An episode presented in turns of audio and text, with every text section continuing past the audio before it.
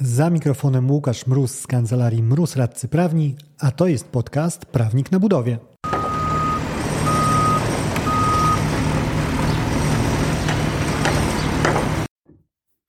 Dzień dobry, nazywam się Łukasz Mróz, jestem radcą prawnym i pomagam firmom budowlanym sprawnie prowadzić projekty. To pierwszy z cyklu mikrowebinarów, czyli taki projekt, który nazwałem wprawdzie webinarem, chociaż do końca webinarem nie jest, bo nie łączymy się live. Niemniej, w telegraficznym skrócie, mamy 10-minutowe okno, mamy w tym oknie jeden konkretny problem prawny dotyczący budownictwa i razem przechodzimy przez ten temat. E, żeby nie zabierać e, dłużej czasu, ponieważ no, te 10-minutowe okno nie jest zbyt długie, to czym zajmujemy się dzisiaj, hamletowskie, szekspirowskie, pytać czy nie pytać. Oto jest pytanie. E, czyli wątek wyjaśnień SWZ, niegdyś SIFS, które zmieniła nam się ustawa, ale sama e, idea pytania o wyjaśnienia i udzielania ich przez zamawiających w przetargach publicznych jak najbardziej nadal istnieje i ma niebagatelny wpływ na późniejsze ewentualne czarne scenariusze toczonych sporów budowlanych, szczególnie jeżeli chodzi o e, spory roszczeniowe co do robót za wynagrodzenie dodatkowe. Zaczynajmy.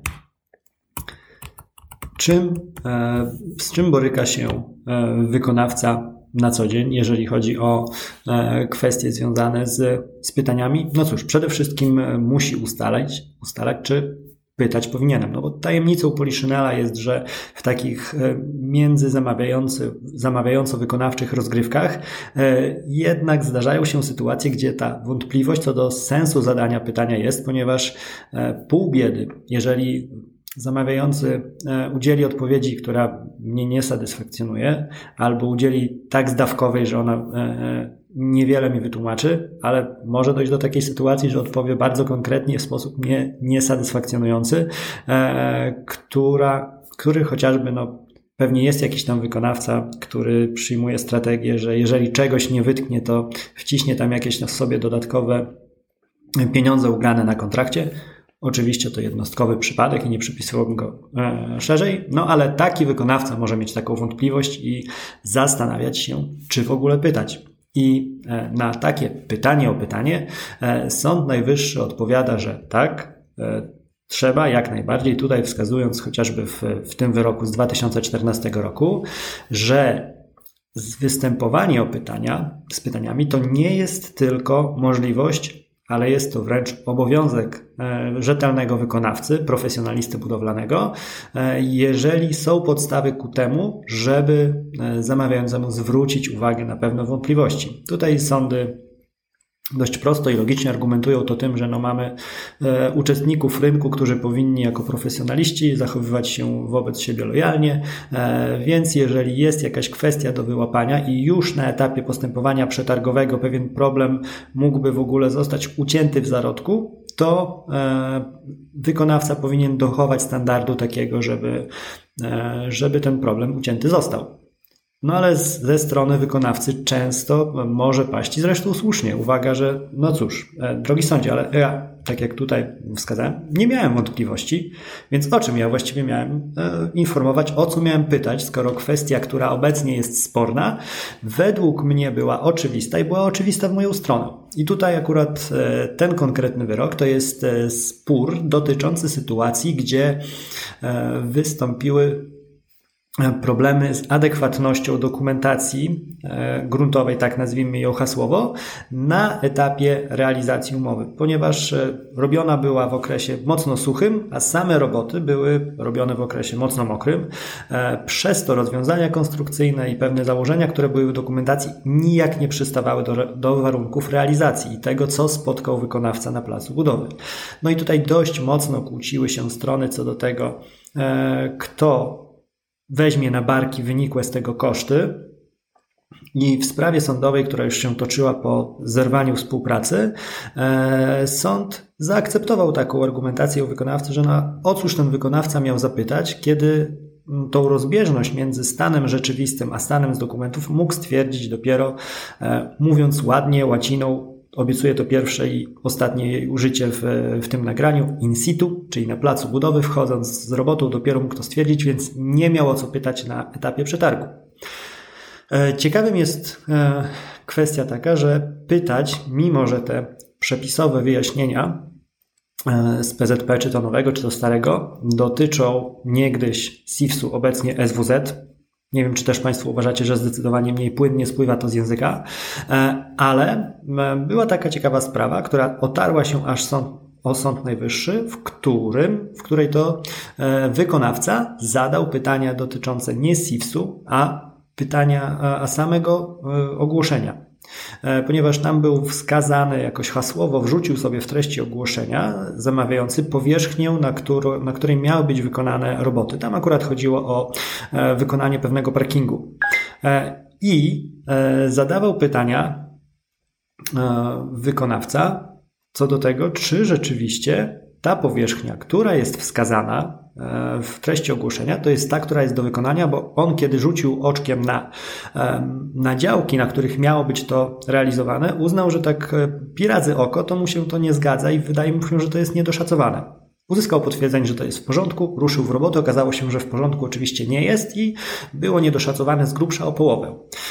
I e, zamawiający i sądy okręgowy i apelacyjny trzymały się tego, że tutaj w ogóle ta e, kwestia wyjaśnień nie może być brana pod uwagę na korzyść wykonawcy, ponieważ wyjaśnienia mogą dotyczyć tylko wtedy jeszcze SIFS. Skoro dotyczyły ogłoszenia, to w ogóle nie ta okolica, nie ta droga, nie ten wątek. No i z tym nie zgodził się ostatecznie Sąd Najwyższy, który stwierdził, że e, drodzy moi, gdzie by się tam nie wyjaśniało, to udzielono pewnych informacji, które należy uznać za wiążące zamawiającego i w ten sposób doszedł do korzystnego dla wykonawcy rozstrzygnięcia. E, jeżeli chodzi o same prowadzenie takiej procedury pytań, no często feedback, który wraca od zamawiającego, to nie jest zbyt wysoki standard, nie jest to zbyt pełna informacja, której oczekiwałby wykonawca. E, I takie wątki też e, były procedowane jak najbardziej w orzecznictwie i chociażby w takiej bardzo e, ważnej sprawie, którą poleciłbym każdemu do zapisania sobie w folderze z, z orzeczeniami tym, tym wyroku Sądu Najwyższego, sąd przyjął, że jeżeli ja w pierwszej turze odpowiedzi, e, po swojej odpowiedzi nie uzyskam wyjaśnień satysfakcjonujących, konkretnych dostatecznie, to właściwie ta tura jest pierwszą i ostatnią, ponieważ nie mam obowiązku dopytywać dalej, mielić tematu, aż otrzymam satysfakcjonującą mnie odpowiedź.